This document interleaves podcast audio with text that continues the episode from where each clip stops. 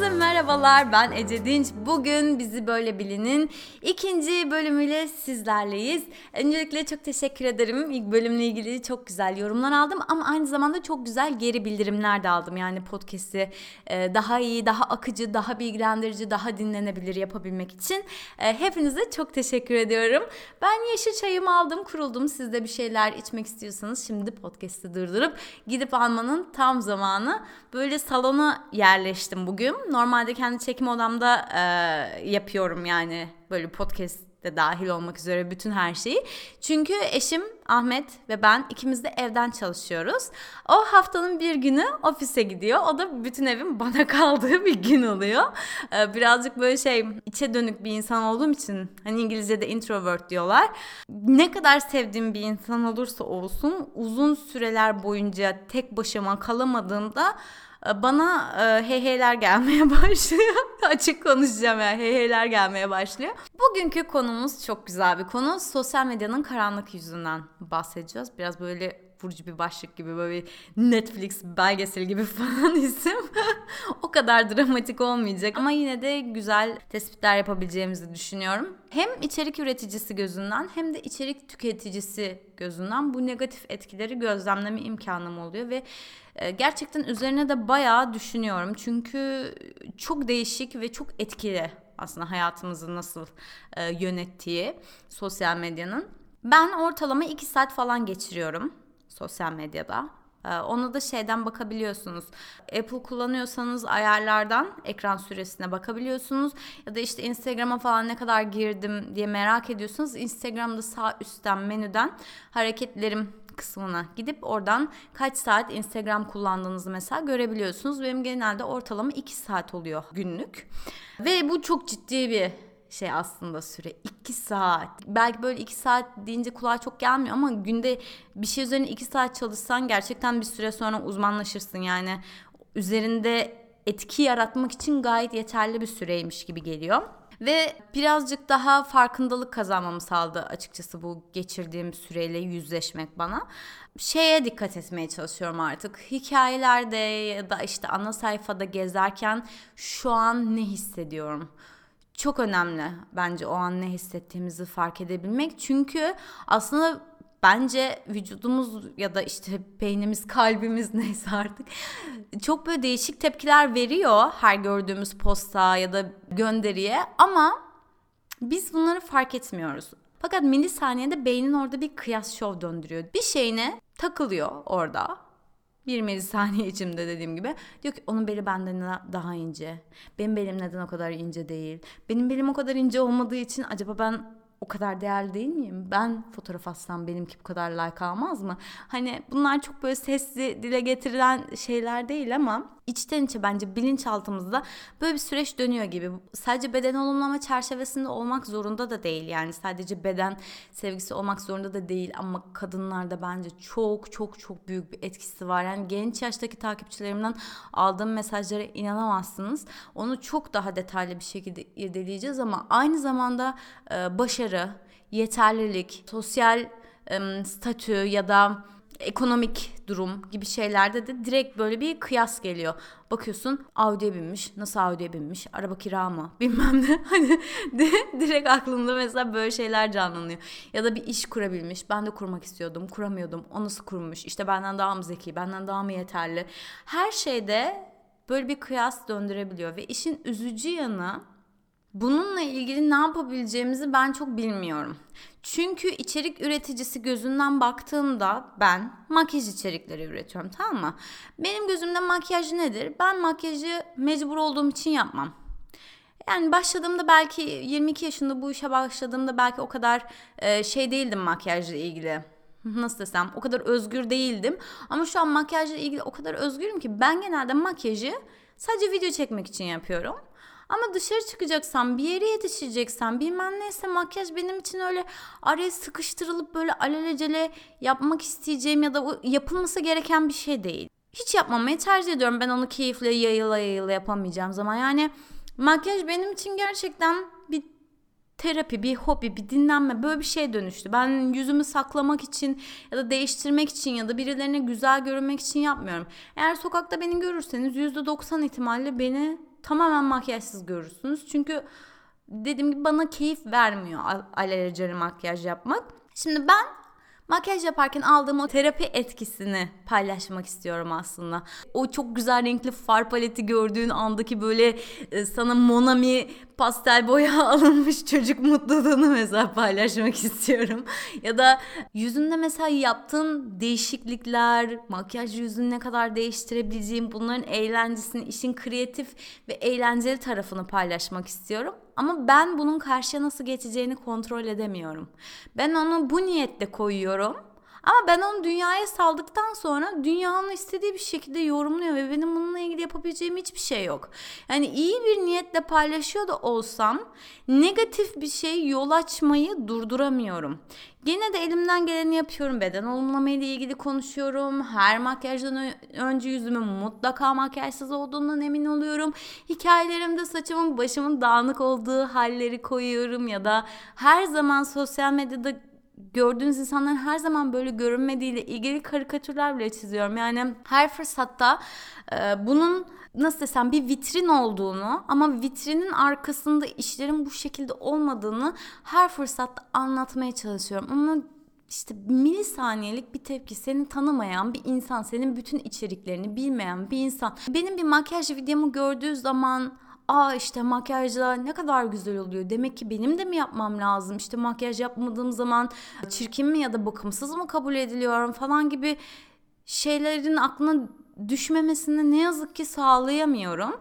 O da içerik üreticisi olarak cidden kalp kıran bir şey bu. Beni benim gerçekten üzüyor bu durum ve yani çaresizliğimi de görmek, çok elimden bir şey gelmeyeceğini de fark etmek, niyetimin iyi olmasının daha doğrusu e, niyetimin pozitif bir şey paylaşmak olmasının sonucu hiç değiştirmediği, neredeyse hiç değiştirmediği gerçeği beni birazcık boğuyor. Belki de o yüzden aslında sosyal medyanın negatif etkileri üzerine bu kadar düşünüyorum.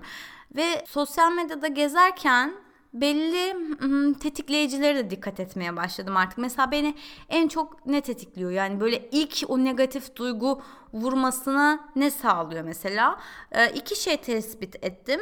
Ee, en çok e, beden algısı ile ilgili sıkıntı yaratan şeylerde bende ve hayat tarzı ile ilgili şeylerde tepki veriyorum negatif tepki verdiğim iki öge bu.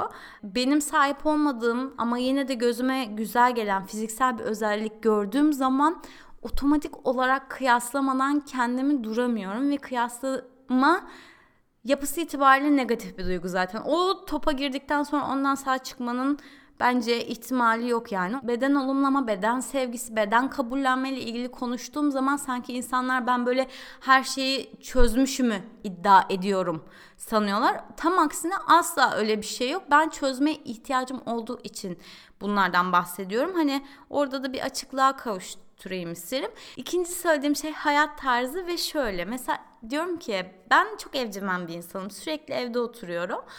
Ee, evden de çalışıyorum zaten. Hani çıkmamı gerektirecek pek bir şey de yok. Aşırı böyle dışa dönük bir insan da değilim. Hani sürekli böyle e, yeni insanlarla tanışma ihtiyacı falan da hissetmiyorum.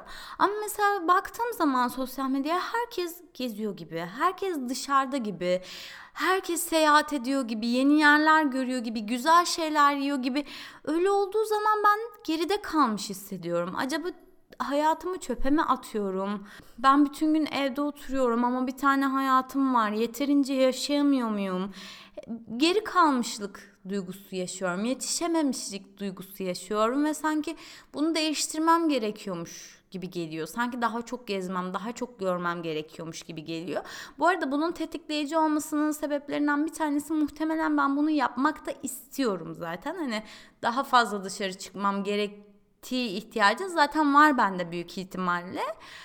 Ama işte bu tetikleyicilerle birlikte onun dozajını kontrol edemiyorum. Yani ne noktada ben istiyorum, ne noktada gördüğüm için onlar benim kafama giriyor onu tam anlayamıyorum. Neyin tetiklediğini fark edersek belki nerede iyileşmeye ihtiyacımız olduğunu da e, görebiliriz gibi düşünüyorum. Ama onun yerine bence, bence onun yerine ne yapıyorsunuz biliyor musunuz?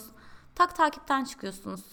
Ben bunu bayağıdır yapıyorum. Çok güzel oluyor. Bir şekilde bir içerik bana o an negatif bir duygu verdiyse çıkıyorum takipten gidiyor. Takipten çıkamayacağınız biri ise yakınınızsa yüzle görüşüyorsunuz bilmem ne de sessize alın gitsin yani. Gerçekten keyfinizi kaçırdığınızda hiç değmez yani. O insanın her an ne yaptığını görmek zorunda değilsiniz. Kimse bizim her an ne yaptığımızı görmek zorunda değil. İstemiyorsanız çıkın gitsin ya. Valla temizleyin. Onun yerine sizi iyi hissettiren mesela hesap, hesaplar takip etmeye başlayın. Ben ne yaptım? Atıyorum işte benim beden algımda bozulma yaratan işte hesapları tespit ettim. Güzelce çıktım takipten.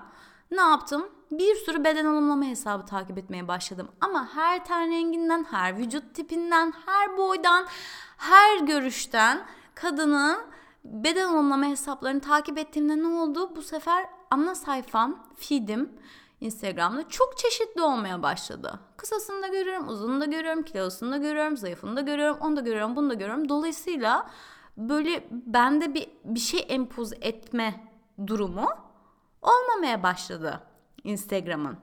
Yani aslında Instagram'da bir araç yani sosyal medyada bir araç.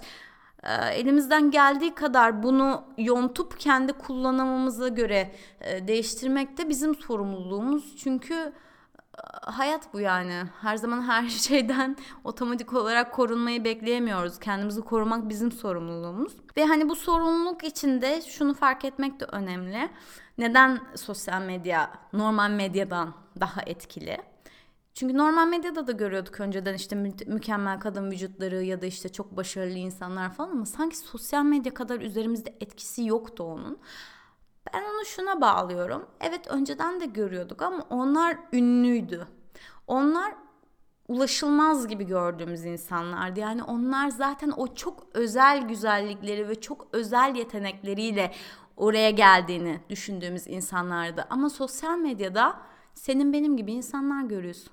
Yan komşun olabilir o insan yani. Sıradan kabul ettiğin insanları senden çok daha iyi görünürken ya da senden çok daha iyi bir şeyler başarırken ya da senden de çok daha fazla şeye sahip olurken gördüğün zaman, algıladığın zaman o kıyas çok daha sertleşiyor bence ve o işte yetersizlik, başarısızlık, güzel olamama duygusu bunlar hepsi katlanarak büyüyor gibi geliyor bana. O açıdan da Instagram'ın yeni haberine yani like'ları kaldırma haberine çok destekliyorum. Evet Instagram like'ları kaldırıyor. Bu arada belki bilmeniniz vardır diye şöyle bir üzerinden de geçeyim dedim. Aslında Haziran'dan beri e, denemelerini yapıyor. Yani bir grup kullanıcı seçiyor. Onlar da like'ları kaldırıyor ve hani onların geri dönüşlerine göre e, farklı alanlarda da uygulamaya başlıyor. Ama yakın bir zamanda e, Amerika'da denemeye başladı. Önceden Avrupa'da ve Japonya'da falan deniyordu Avustralya'da. E, şimdi Amerika'da da yani kendi ana pazarında da denemeye başladı. Like'ları kaldırmayı ve influencerlar çok sinirli. Influencerlar bazı konularda gerçekten haklı olarak e, sinirli. Ama ben bir influencer olarak sinirlenemiyorum. Çünkü ben bir içerik tüketicisi olarak çok seviniyorum bu durumu. Yani like'ların kalkması muhteşem bir şey olacak bence. Çok daha rahat içerik paylaşılabilir, çok daha rahat içerik tüketilebilir bir platform haline getirecek. Çünkü like dediğim bir derecelendirme. Like dediğim bir onay mekanizması. Senin toplumda yerini ve hani Black Mirror'ın bir bölümü vardı ya insanları sosyal medya like'larına göre, yıldızlarına göre e, sosyal statüleri oturtuyorlardı. Tam olarak aslında onun daha soft bir versiyonunu yaşıyoruz biz ama durumu belli bir kitleye eriştiğiniz zaman bu bilgiyi alan insanların davranışlarında değişiklik olabiliyor gerçekten. Yani normalde sana hiç selam vermeyen bir insanın 40 yıllık kankaymışsınız gibi üstüne koşup sarılması falan böyle şeyler oluyor. Değişik şeyler görüyoruz yani. Bunun gerçek hayatta da bir karşılığı olduğunu bilmek aslında like'ları bu kadar tehlikeli yapıyor. O yüzden ben çok memnunum like'ların kalktığı için. Şimdi tüketici kimliğimi bir kenara bırakalım. Influencer'ları bu durum nasıl etkiliyor? Influencer'lar buna neden kızıyor daha doğrusu. Ee, şey muhabbeti var. Ee, bunu çok desteklemiyorum bence önemli değil. İşte e, like'lar kalkarsa markaları hesaplarımızın orijinal olduğunu nereden bilecek? Zaten işte herkes takipçi satın alıyor. İşte markaları yeterince iyi bir raporlama sunamayacağız. Takipçi satın alan zaten like da satın alıyordu. Her şeyi satın alabiliyorsun. Haftada en az bir kere takipçi satın almak ister misiniz, like satın almak ister misiniz diye DM düşüyor bana. Peynir ekmek gibi satıyorlar yani bunlara. Almak isteyen onu da alıyor, onu da alıyor. Hatta yorum bile alıyor. Her şey alabiliyorlar yani. O yüzden ben bunun bir kriter olacağını düşünmüyorum. Çünkü her zaman yorum var. Yani yorum geldiği zaman yorum almak da o kadar kolay bir şey değil yani. Yorum geldiği zaman o güvenilirliği sağlıyorsun. Bir diğer endişe şu, e, like'lar gözükmediği zaman insanlar likelamayı bırakacak. Dolayısıyla da etkileşim düşecek. Evet bu arada böyle bir şey olacak bence de ama önemli mi gene? Hayır çünkü çünkü Instagram algoritmasını zaten zırt pırt değiştiriyor ve biz sürekli etkileşim kaybediyoruz bu algoritma değişiklikleri yüzünden ve kimseye de bir faydası olmuyor bu algoritma değişikliklerinin. Bari bir tanesi herkese faydalı olacak bir değişiklik olsun. Onun için etkileşim kaybedelim. Ve zaten herkes aynı anda kaybediyor. Yani sen kaybediyorsun da öteki kaybetmiyor gibi bir şey yok. O yüzden gene adil bir platform yani influencerların e, iş potansiyelini etkileyeceğini ben yine sanmıyorum. Sadece haklı bulduğum şöyle bir yön var. Biz bir içerik üreticisi olarak like'lar kalktığı zaman kitlenimizin neyi sevdiğini, neyi beğendiğini, neyden daha fazla üretmemiz, neyi daha az üretmemiz gerektiğini nasıl anlayacağız diyorlar.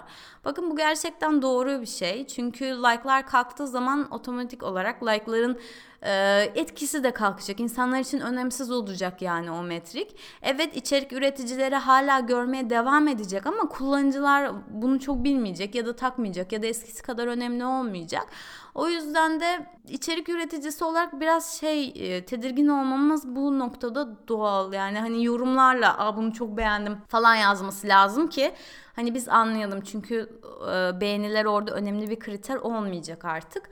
Instagram ya da herhangi bir sosyal medya bunlar özel şirketler ve e, paşa gönülleri ne istiyorsa öyle yapmakta özgürler. Biz bu düzenin bir parçası oluyorsak ee, bunu da bir noktada kabullenmemiz gerekiyor gibi düşünüyorum. Ha bu arada merak ettiğim bir şey var.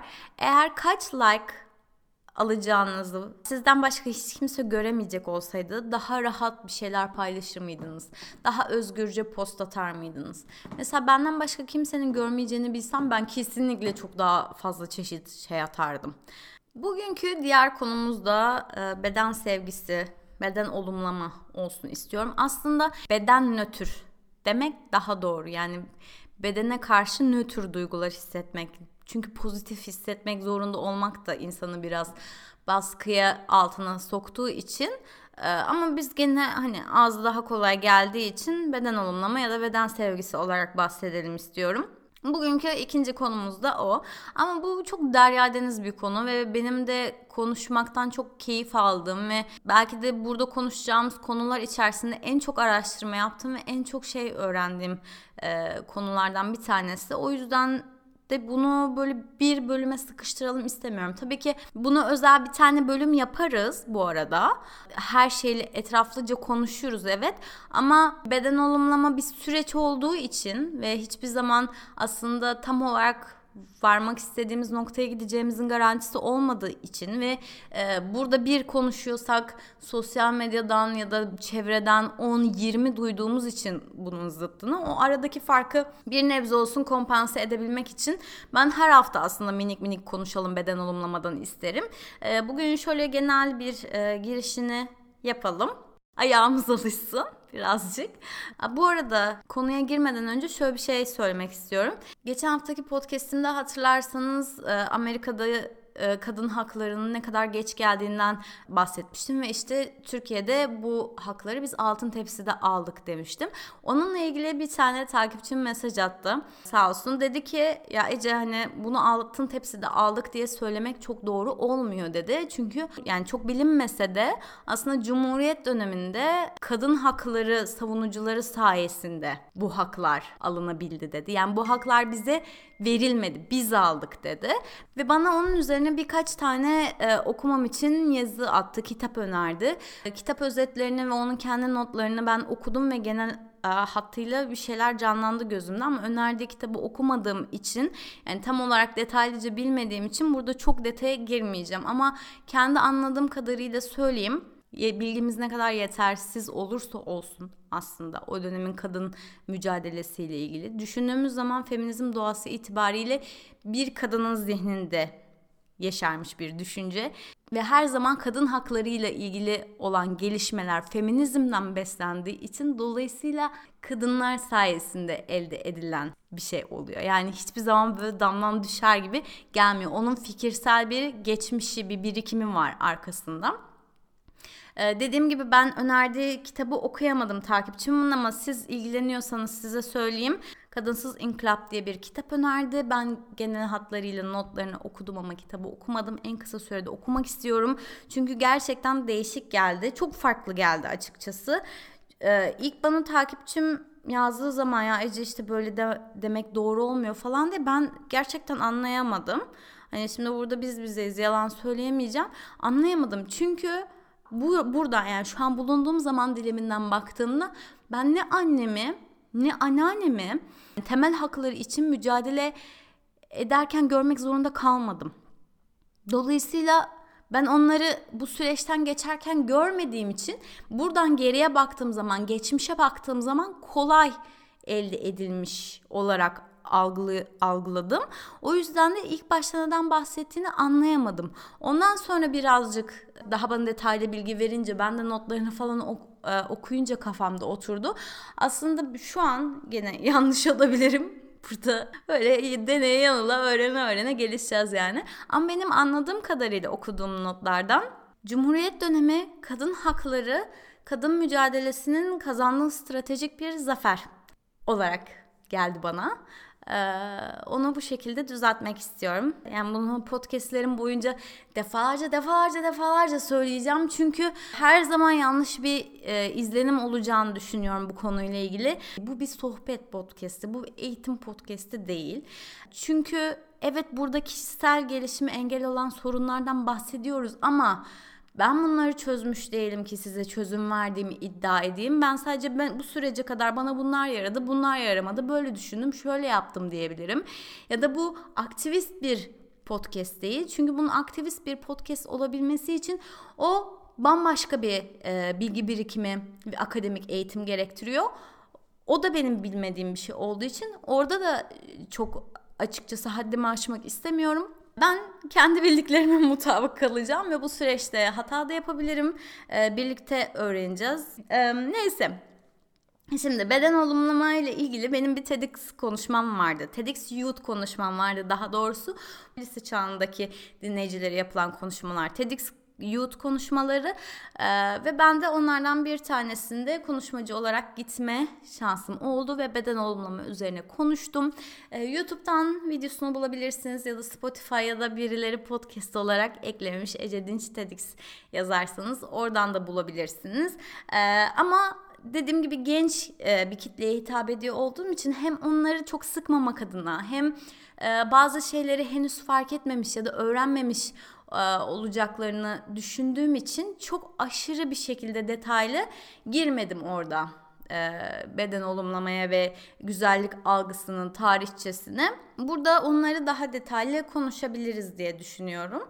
Ama gene de her şeyi derli toplu anlattığım bir konuşma olduğu için ben yine de öneririm. Benim beden olumlamayla ilgili düşündüğüm en sağlam argümanlardan bir tanesi güzellik algısının değişken ve geçici olması, zamana ve ekonomik durumlara bağlı olarak güzellik algıları değişiyor. Çünkü insan görsel bir canlı ve estetik algısı da aslında gördüğü şeylere göre yontuluyor, değişebiliyor. Mesela şöyle düşünün. Mutlaka bence herkesin mutlaka böyle bir parçası vardır. Ee, yeni bir trend geldi tamam mı? Mutlaka başınıza bir kere gelmiştir diye düşünüyorum. Yeni bir trend geldi dediniz ki uf bu ne ya çok kötüymüş de işte ne saçma bilmem ne. Sonra onu göre göre göre Allah Allah ya güzelmiş hoşuma da gitti sanki ben de mi alsam durumuna geldiniz mi? Ben defalarca yaşadım bunu. Yani gözümün ne kadar eğitildiğine an be an her yeni moda sezonunda şahit oluyorum. Mesela Rönesans resimlerine bakın balık etli kadınlar var hep. Balık etli beyaz tenli kadınlar var. Ama şu an bizim güzellik algımız bunun tam tersi. Yani batının güzellik algısı diyelim. Batının güzellik algısı bunun tam tersi. Zayıf ve bronz kadınlar. Bronz tenli kadınlar mesela daha güzel kabul ediliyor. Ve bronz tenin de güzel kabul edilebilmesi çok yeni daha daha yeni bir 30-40 sene falan oldu herhalde beyaz tenli kadınların e, makbul e, kabul edildiği dönemden bu yana yani öncesinde mesela düşünün 1950'lerin Amerikan filmlerini falan Marilyn Monroe dönemlerini falan bembeyaz yani kadınlar. Çünkü o dönem beyaz olmak yani ondan öncesinde de ten renginin açık olması e, senin güneş altında çalışmak zorunda olmadığını gösteren bir şey. Yani senin varlıklı olduğunu, refah içerisinde olduğunu gösteren bir şey. Şimdi neden bronzu makbul? Şimdi insanlar ofislerde çalıştıkları için ve tatillere gidemedikleri için bronzlaşmak tatile gidebildiğinin ve dolayısıyla refah seviyenin yükseldiğinin göstergesi. O yüzden güzel kabul ediliyor. Önceden neden daha balık etli kadınlar güzel kabul ediliyordu? Çünkü halk zaten kilo alabilecek kadar e, işlenmiş yiyecek bulamıyordu. Herkes kendini ne yetiştiriyorsa onu yiyordu. Zaten e, çalışma şartları zordu. Çok fazla fiziksel kuvvet gerekiyordu. Kadınların evde ev işlerini yapmaları çok zordu. Çamaşır yıkamak, ev süpürmek bunlar bile eziyet modern teknoloji yok çünkü. E, o yüzden de balık etli kadınlar onların işini yapabilecek başka hizmetlileri olduğunu ve bu kadınların lüks kabul edilen işlenmiş yiyeceklere erişebildiğinin sembolü balık etli kadınların o dönemin refah sahibi kadınlarıydı. O yüzden de o güzeldi. Neden peki refah seviyesi yüksek olan güzel kabul ediliyor? Çünkü daha sağlıklı olduğunu varsayıyoruz belki. Ee, belki her zaman nadir bulunanın, az olanın güzel kabul edilmesi gibi refah düzeyi yüksek insanlar küçük bir topluluk olduğu için belki onların şartlarının yarattığı sonuçları güzel kabul ediyoruz. Bu tarihçe, güzelliğin bu değişimi bana çok geniş bir perspektiften bakma imkanı verdi. Çünkü öncesinde böyle at gözlükleriyle bakıyordum. Bugünün güzellik kriterlerine şu şu şu. Kendim onunla yargılıyordum. Ama bir anda böyle eskiyi de görebilince, bunun değişimini görünce, büyük resimden bakınca aslında buna mecbur olmadığını insan çok daha kolay fark ediyor. Çok daha kolay kabulleniyor diyeyim bu arada. Kabullenmesi de zor bir şey. Yani şu dönemin güzellik standartlarına uymak zorunda değilim. Bence kabullenmesi çok zor bir şey. Çünkü toplum baskısı, mahalle baskısı gerçekten çok yüksek ve e, görselliğin, dış görünüşün en ön planda olduğu dönemlerden bir tanesinde yaşıyoruz bence makyaj sektörü, güzellik sektörü aldı başını gitti. Estetik sektörü hiç olmadığı kadar devasa bir hal aldı yani. Bir tane e, estetisyenin röportajını okumuştum. Şey diyordu. Önceden kadınlar kendi gençlik fotoğraflarıyla gelip kendi gençlik hallerine benzemek için estetik oluyorlardı. Şimdi genç kızlar başkalarının fotoğraflarıyla gelip onlara benzemek için estetik oluyor diyordu. Bana bu üzücü geldi. Yani estetik karşıtı olduğumdan değil. Kim ne istiyorsa yapsın. Yani beden olumlama dediğimiz zaman bu benim estetik karşıtı olduğum anlamına gelmez. Bu başkasının bedeninin beni hiç ilgilendirmediği ve benim bunu bildiğim, kabullendiğim anlamına gelir. Yani beden olumlama adı altında zayıfları cıkcıklamak yani estetik yaptırmaya tercih edenleri ya da atıyorum çok spor yapan insanları falan yargılamak tamamıyla benim sınırlarım dışında benim hiçbir şekilde kabul ettiğim bir şey değil. Çünkü beden saygısı diyorsak her zaman geçerli olacak bu. Senin fikrine, senin düşündüğün şeye okey olduğu sürece bravo bravo deyip alkışlayıp senin e, onaylamadığın bir şekilde kendi bedenini ifade ettiği zaman da demek bana hiç doğru gelmiyor. O yüzden asla burada bir estetik düşmanlığında bulunuyormuş gibi görmek istemiyorum. Sadece e, genel sosyal medyada gördüğüm kadarıyla e, bir yorumda bulunuyorum. Sadece genelleme yapıyorum. Ben bu e, estetisyenin söylediği şeyin doğru olduğunu düşünüyorum. Çünkü Z jenerasyonuyla e, vakit geçiren bir arkadaşım var. Mesela şey diyor. Ece onların güzellik anlayışı çok farklı. Mesela onlar için güzellik doğuştan elde edilen bir şey değil. Satın alınan bir şey. Paranla diyorlarmış. Böyle şey yaptım nasıl ya falan. Z jenerasyonu dediğin insanla benim aramda kaç yıl var ki? Ne oldu da iş güzellik parayla satın alınan bir şeye geldi? Ne zaman bu kadar ekstremleşti? Ben onu yakalayamamışım. Ama bu söylem bana e, güzellik standartlarının nasıl uzaya uçtuğunu çok güzel gösterdi. Çünkü önceden doğal güzel olarak doğmak en azından yetiyordu. Ama artık öyle bir güzellik standartları var ki cidden bir insanın o şekilde doğmasını bekleyemiyoruz. Artık öyle bir seviyeye geldi. İşte yok dudakları dolgun olacak, fındık burunlu olacak, çenesi bıçakla kesilmiş gibi olacak, elmacık kemikleri havaya bakacak, kaşları havaya bakacak, beli ince olacak, göğüsleri dolgun olacak, kalçaları yuvarlak olacak, mümkünse Brezilya kalçası gibi dışarı çıkık olacak, bacakları ince olacak ve tüm bu kıvrımlara sahip olduğu halde gerçekten küçük ve zayıf görünecek. Bu biraz zor. Tabii ki yani doğuştan buna sahip olan insan vardır da 3 falandır yani bunun sayısı. Geri kalan bütün insanların bunu estetikle elde etmek zorunda kalması normal bir şey çünkü beklenti normal değil. Yani normal bir şekilde elde edilebilecek bir şey değil.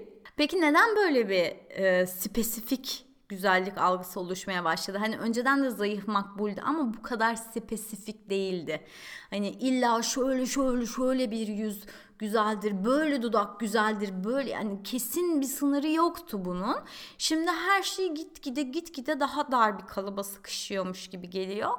Yani şimdi genel şeyler işte zayıf olmayı, işte sivilcenin olmaması ya da çatlağının olmaması, selülitinin olmaması gibi e, zaten bayağı uzun bir süredir olan e, beklentileri şeye bağlayabiliriz. Çünkü erkek gözünden böyle olması daha güzel. Bunu ona bağlayabiliriz. Erkek gözünden böyle olması neden daha güzel biliyor musunuz? Bence cevabı çok basit. Daha genç göründüğü için.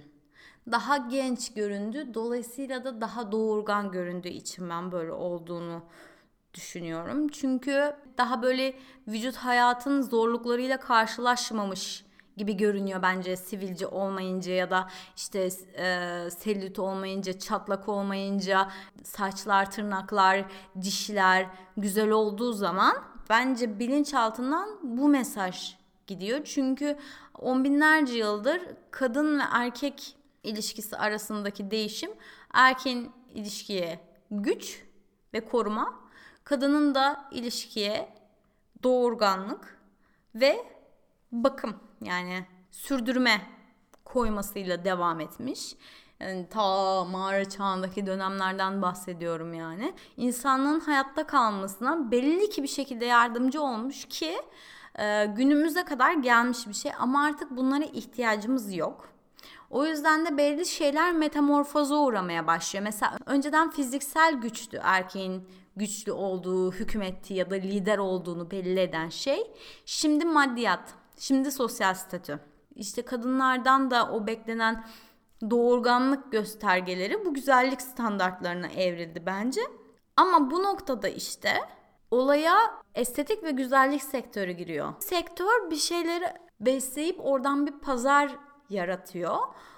İkisi bir araya gelince olan kadınları oluyor. Olan bize oluyor bence. Biz çeşitli çarklar ve imkansız beklentiler içerisinde kendimizi ezilirken buluyoruz. Daha da kötüsü çoğu zaman da ezilirken bulamıyoruz. Hiç fark etmeden eziliyoruz yani. Ee, öz değerimize falan bağlıyoruz. Genel e, güzellik standartlarını karşılamıyor olmamızı bizi değersiz kıldığını düşünmeye başlıyoruz. O dış görünüşle karakter arasındaki bağ böyle iyice harmanlanıyor. Kişiliğimizi içimizi boşaltan bir unsur olmaya başlıyor diye düşünüyorum bu kaygı. Çünkü bu kaygıya çok fazla enerji verdiğin zaman ben de şeyler yaşadığım için kendimden pay biçiyorum. Bu kaygıya çok fazla önem verdiğin zaman kendi kişiliğini, karakterini besleyecek zamanın olmuyor. Çünkü adı üzerinde takıntı yani. Ve çok sinsi bir şekilde ele geçirebiliyor bence. O yüzden de her hafta minik minik minik minik minik konuşalım istiyorum. Hani bir kere de konuştuk bitti bye demek yerine yani. Aslında konuştuğumuz her konuda birazcık burada e, kalanın dışına çıkabilsin istiyorum. O yüzden de her e, podcast sonunda birkaç öneride bulunayım diyorum. Yani okuduğum bir kitap olabilir, e, belgesel olabilir. Bunlardan konuşalım. İlla gerçi o haftanın konularıyla ilgili olmak da zorunda değil. Hani buradan alıp o haftaya götürebileceğiniz bir şey de olsun istiyorum. O yüzden bu haftanın mini paylaşımları kısmına geçiyoruz. Netflix'te çok güzel bir belgesel var. Embrace diye beden olumlama üzerine. Ee, bir annenin kız çocuğu sahibi e, olduktan sonra yaşadığı farkındalık ve e, bunu nasıl aktivizme dönüştürdüğüyle ilgili çok tatlı, çok eğlenceli bir belgesel. Kesinlikle tavsiye ediyorum. Hatta böyle birkaç kız arkadaşınızı toplayın, yapabiliyorsanız birlikte izleyin yani. Belgesel içerisinde çünkü çok güzel istatistik bilgileri de var araştırmalara dayanılı ve gerçek hayattaki sonuçlarını gösteren. Çünkü hani biz böyle işte kendimi başkalarıyla kıyaslamak beni üzüyor falan diyoruz da çok subjektif kalıyor yani o konu. Onu işte birazcık daha temellendirmek için e, birazcık daha etkisi böyle yüze vursun diye böyle şeyler bence çok önemli. O yüzden Embrace'e E M B R A C E mutlaka bakın derim. Ee, bir iki tane de dizi önerim olacak bu hafta. Bir tanesi Crazy Ex Girlfriend. Ah yani bu bu dizinin ilk iki sezonunda sinirden kendimi kesecektim. Cidden izlemesi çok zordu ilk iki sezonda ama oyunculuklar çok iyiydi ve bir yere gidebileceğine dair minik minik ipuçları da alıyordum. O yüzden izlemeye devam ettim ve ikinci sezondan sonra gerçekten iyi ki izlemişim dedim. Ee, çok güzel, çok oturaklı bir hikayeye dönüşmeye başladı. O yüzden ilk iki sezon biraz dişinizi sıkın derim ama ondan sonra gerçekten keyif alacaksınız. Söz veriyorum. Ee, Crazy Ex-Girlfriend'de gördüğümüz baş karakter e, bir feminist aynı zamanda. En iyi okullarda okuyor, avukat oluyor. Fakat e, tam ortak olacakken avukatlık şirketine bir e, breakdown bir sinir krizi yaşıyor ve mutlu olmadığını fark ediyor. O yüzden de e, Kaliforniya'da küçük bir kasabaya taşınıyor. E, eski erkek arkadaşının peşinden gidip. Baş karakterimiz böyle biraz balık etli bir kadın. O yüzden o yüzden belki de hiç bırakamadım diziyi. İki sezon beni kanser etse de. Çünkü hep gördüğümüz vücut tipleri dışa, dışında bir şeyler gördüğüm zaman e, başrolde bu arada yan rollerde zaten görüyoruz da genelde başrolde gene e, daha geleneksel tutmaya çalışıyorlar ya oyunculara e, başrolde biraz bunu kıran bir karakter gördüğüm zaman hoşuma gitti. Belki de bağ kurdum. O yüzden izlemeye devam ettim. Ve hani feminist tonajı, yaptığı göndermeler, müzikal bu arada. Ara ara müzikaller geliyor ve ben müzikalden nefret ederim. Gerçekten sevmem yani müzikal. Ama müzikal olmasına rağmen izledim çünkü e, şarkılar e, göndermeli mesajlı ve genelde mizahi olduğu için, ironik olduğu için Hoşuma gitti. Bir diğer önerim de valla birkaç gün önce başladım. Çılgınlar gibi izliyorum. Bayıldım yani. Çok keyif alıyorum. Unbreakable Kimi Schmidt. Bunların podcast açıklamasına yazarım. Uh, Unbreakable Kimi Schmidt. İlk iki bölümde birazcık yadırgayabilirsiniz. Çünkü karakterler uh, karikatürize gelebilir azıcık. Ama iki bölüm sabredin karakterlerin içini çok güzel dolduruyorlar. Ondan sonra o şekilde garip gelmeyecek. E, konusu bir ruh hastası tarafından kaçırılıyor. Dört tane kadın 15 yıl e, bir yeraltı sığınağında tutuluyorlar adam tarafından. Adam bunlara dünya yok oldu. Dışarıda bir dünya yok. Siz de çıkarsanız ölürsünüz diyor. Yani bir e, kalt bir tarikat kuruyor yani orada ve kadınları e, korkutarak, sindirerek orada kalmaya mecbur ediyor. 15 yıl sonra kadınlar kurtuluyor ve dünyanın yok olmadığını, aslında adamın onları kandırdığını görüyorlar ve baş karakterimiz Kim Schmidt, Unbreakable Kim Schmidt yani yıkılmaz, kırılmaz Kimi Schmidt. O tecrübenin onu tanımlamasına izin vermiyor. Diyor ki e, ben yeni bir hayat kuracağım, pes etmeyeceğim, New York'a taşınıyorum. Hayallerimi gerçekleştireceğim. Kaçırdığım 15 yılı bu şekilde telafi etmeye çalışacağım. 15 yıl boyunca hiç dış dünya ile bağlantısı olmadığı için teknolojinin en geliştiği dönemi kaçırmış. Cep telefonlarını tanımıyor, laptopları tanımıyor falan ama çok büyük bir karakter, çok neşeli bir karakter e, ve pes etmeyen bir karakter. Unbreakable Kimmy Schmidt'te de feminist tonajı çok yüksek. Hatta böyle şey hmm, tekrar tekrar ediliyor. Neredeyse böyle telkin seviyesinde ve e, üstü kapalı ya da hicivsel böyle falan da değil. Genelde açık bir şekilde veriliyor mesaj. Ama çok güzel üstü kapalı hicivsel göndermeleri de var. Eğer o şekilde e, esprileri de seviyorsanız büyük bir keyifle izliyorum ve kesinlikle tavsiye ederim. Evet, huh, beni dinlediğiniz için çok teşekkür ediyorum. Bugün birazcık daha uzun bir podcast yapmaya çalıştım. İlk bölümde zorlanmıştım. 24 dakikayı zor doldurmuştum. Bugün daha hazırlıklı geldim. Daha fazla, daha farklı çeşitli şeylerden bahsetmeye çalıştım. Biraz daha akıcı olmasına uğraştım. Ee, umarım bir gelişme gösterebilmişimdir. Umarım beğenmişsinizdir. Eğer bu podcast'i iTunes'tan dinliyorsanız ilk podcast çıktığı zaman iTunes onayımızı alamamıştık ama artık iTunes'ta da varız. iTunes Podcast uygulamasından dinliyorsanız ve sevdiyseniz, keyif aldıysanız bana 5 yıldız vermeniz bu podcast'in daha fazla insana ulaşmasında çok yardımcı olur. Çünkü e, hani öyle başka bir kriter yok. Yorum var, yıldız var. Onlara dayanarak öne çıkarıyor ve gösteriyor algoritma. O yüzden de yıldız verirseniz Gönlünüzden de yorum yapmak gelirse hani çok sevinirim, çok memnun kalırım. Hepinizi kocaman öpüyorum. Bir sonraki podcast bölümümüzde görüşmek üzere. Kendinize iyi bakın.